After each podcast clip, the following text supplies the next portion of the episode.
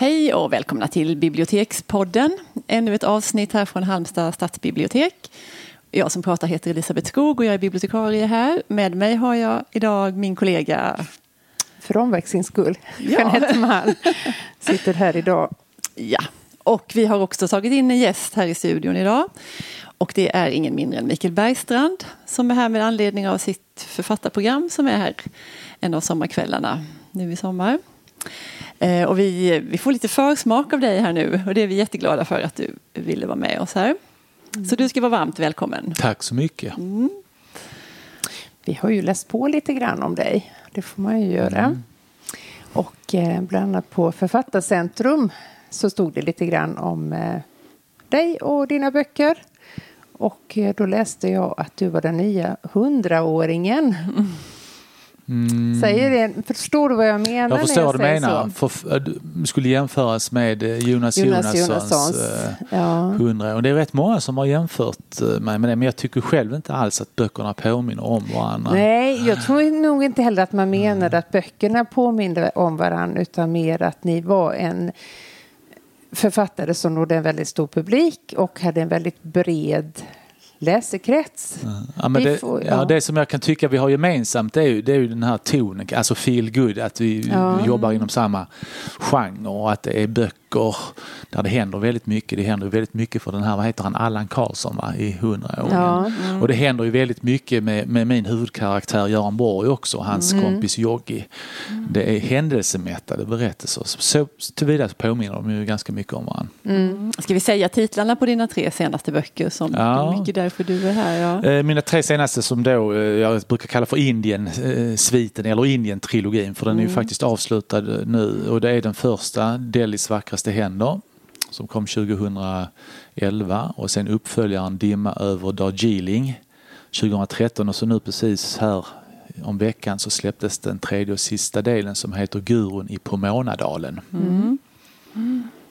Mm. Mm. Jo, eh, eh, på ett annat ställe när vi läste om dig så stod det så här att du var både att du var roande att, men, men också oroande och då blev jag så nyfiken sådär. Vilket vill du helst vara eller tycker du att den beskrivningen, köper du den eller? Mm. Alltså jag skrev mycket där om, så här, jag började min författarkarriär som, som, som deckarförfattare mm. faktiskt och skrev kriminalromaner. Och de hade eh, Malmödeckare som hade ganska mörka teman, mina mm. böcker. Mm. Eh, det handlade om motsättningar, eh, invandrarfientlighet, eh, hemlöshet, narkomani. Alltså, och de var nog ganska oroande skulle jag vilja säga. Mm. Och det är väl någonting jag har, har den oroande rösten har jag väl haft både som kriminalromanförfattare men också som journalist eftersom jag skrev mycket om lite tyngre ämnen som journalist. Jag jobbade 25 år som journalist på Sydsvenskan. Mm. Men då skrev jag också en del mer roande kåserier och eh, det är väl snarare de som jag då har vidareutvecklat den, den berättarrösten jag har, mm. den roande berättarrösten skulle jag säga mm. som jag har mm. vidareutvecklat i de här Indienböckerna. Mm.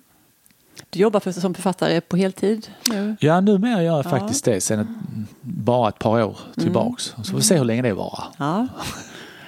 Men Indiensviten är färdig? Det... Ja, det är den. Eh, man ska aldrig säga aldrig. Jag tänkte, hörde man en tvekan där? Nej, men jag, nästa bok blir i alla fall ingen Indienbok. Men, men, men det är klart, de här karaktärerna har ju har jag kommit att, har kommit att stämma väldigt nära. Mm. Och de finns ju kvar någonstans. Mm. Så vem vet? Nej, vi stänger inga dörrar. Nej, det ska man aldrig göra. Nej. Det är väldigt lätt när man då läser om ditt liv och vet vad dina böcker handlar om och läsa in väldigt mycket biografiskt. Mm. Eh, det gör man ju med väldigt många andra mm. författare också mm. men det är kanske ännu lättare med vetskap om att du faktiskt har bott i Indien. Mm. Men hur mycket är du i boken och hur mycket är det jag brukar få frågan om, det jag, om jag är Göran Borg. Är du jag säga, säga nej, säger jag mm. först och så tack och lov brukar jag lägga mm. till. Men kommer sen. Alltså det finns ju drag av mig i Göran Borg. Mm. Han skulle, skulle säga att han är liksom en extrem variant mm. av mig.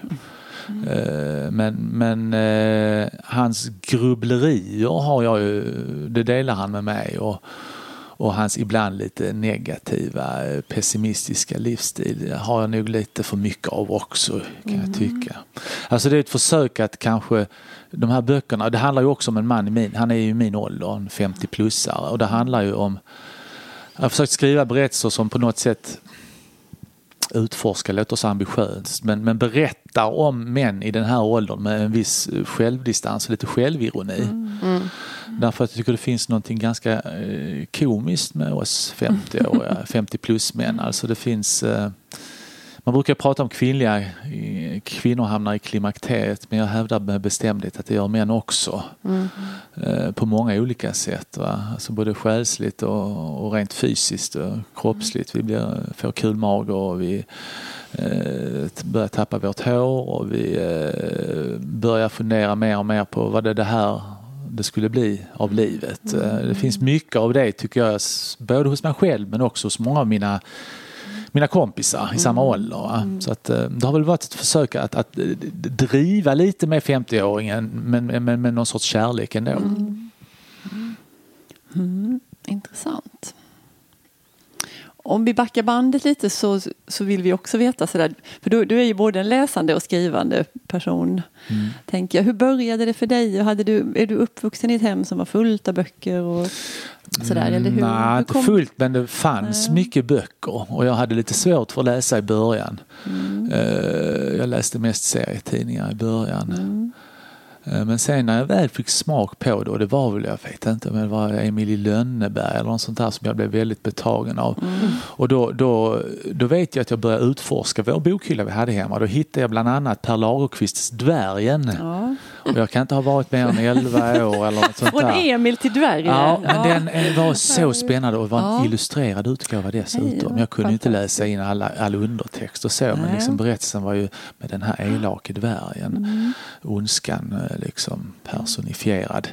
Uh, och sen så vet jag mamma hon, hon gav mig, jag kan inte ha varit mer än 12, Joscha Golovanjuk finns det ju en författare ja. som heter, en judisk författare mm. som, uh, jag vet inte om han är speciellt läst nu, men han, han skrev väldigt uh, mustiga berättelser med mycket människor och sådär. Och de var väldigt lättlästa. Mm. De läste jag tidigt. Mm. Så att jag fick väl, och sen så tyckte jag om att skriva också. Eh, alltså vi hade det där som då kallar man det för uppsats mm. Mm. och fria ämnen i skolan. Mm. Jag tyckte alltid det var väldigt roligt så att jag tror fantasin den har jag haft liksom nära till även som barn och berätta historier och sånt där tyckte jag också var kul.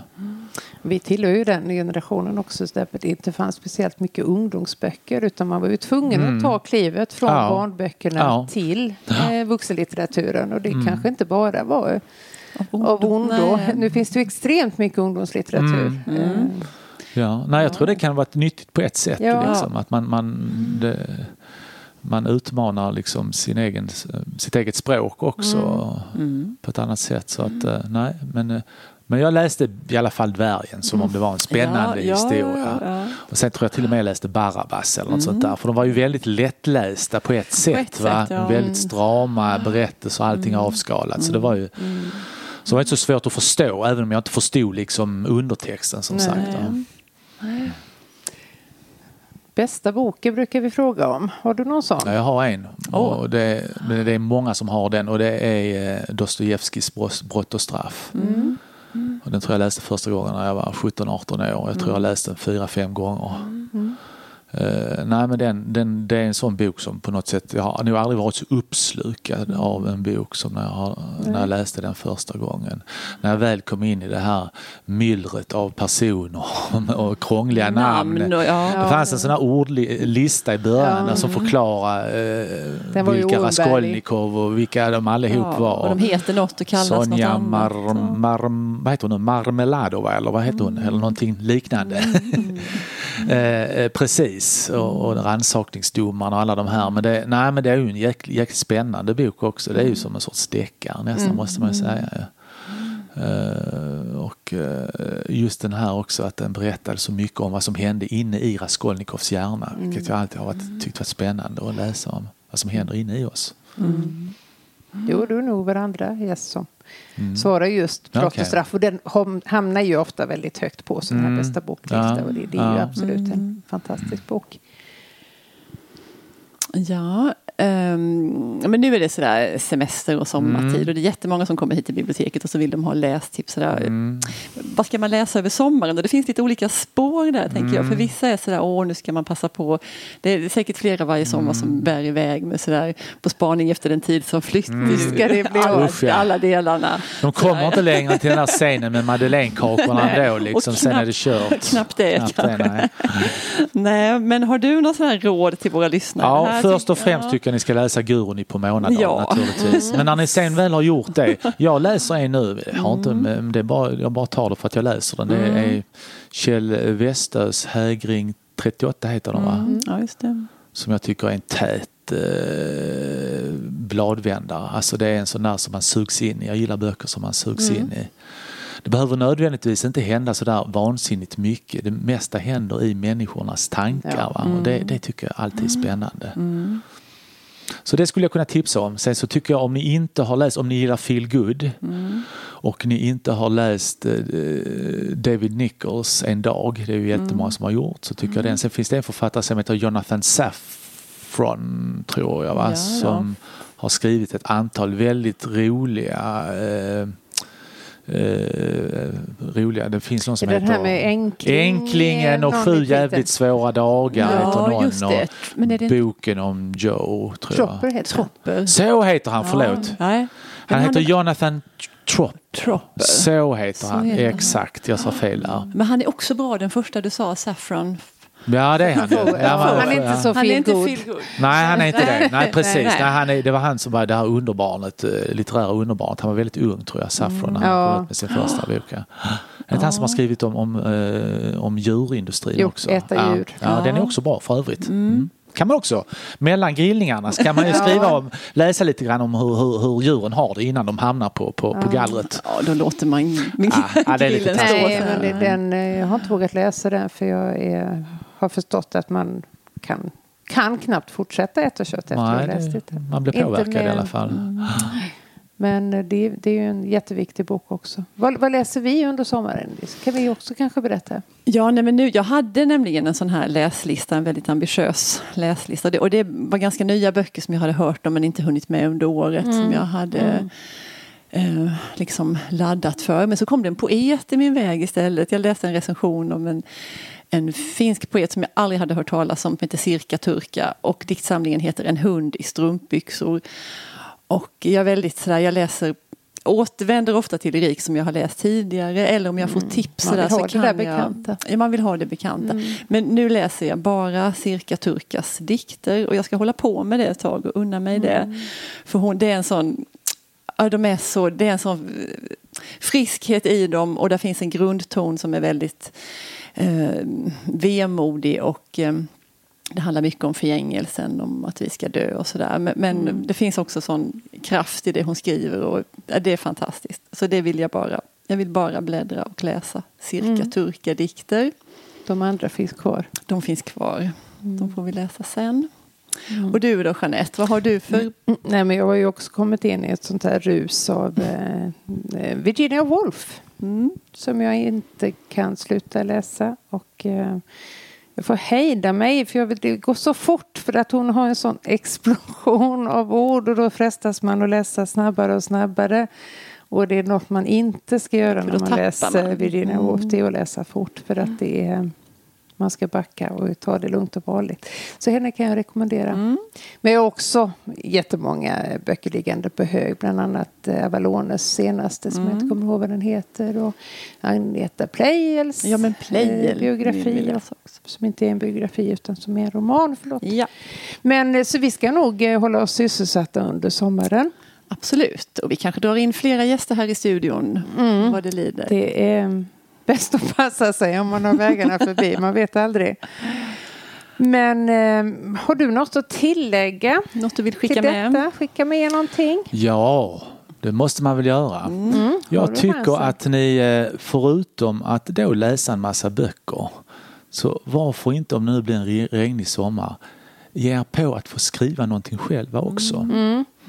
Eh, det finns ju ett jättestort intresse för det i Sverige, det märker man ju. Och eh, om man har svårt för det och man behöver tips så kan man alltid leta på nätet. Det finns mm. olika skrivarkurser. På min hemsida, mm. mikaelbergstrand.se, delar jag med mig lite grann av mina tips på hur jag har gått tillväga. Det finns mm. ju Bra. tusen varianter. Men det tycker jag är någonting man skulle kunna göra om, om det ja. blir lite sådär regnigt och ja. ruskigt. Mm. Nej, men jag tror, jättebra att du säger, för jag tror det finns en, en längtan och en lust hos mm. många sådär att åh, det mm. hade varit, ja.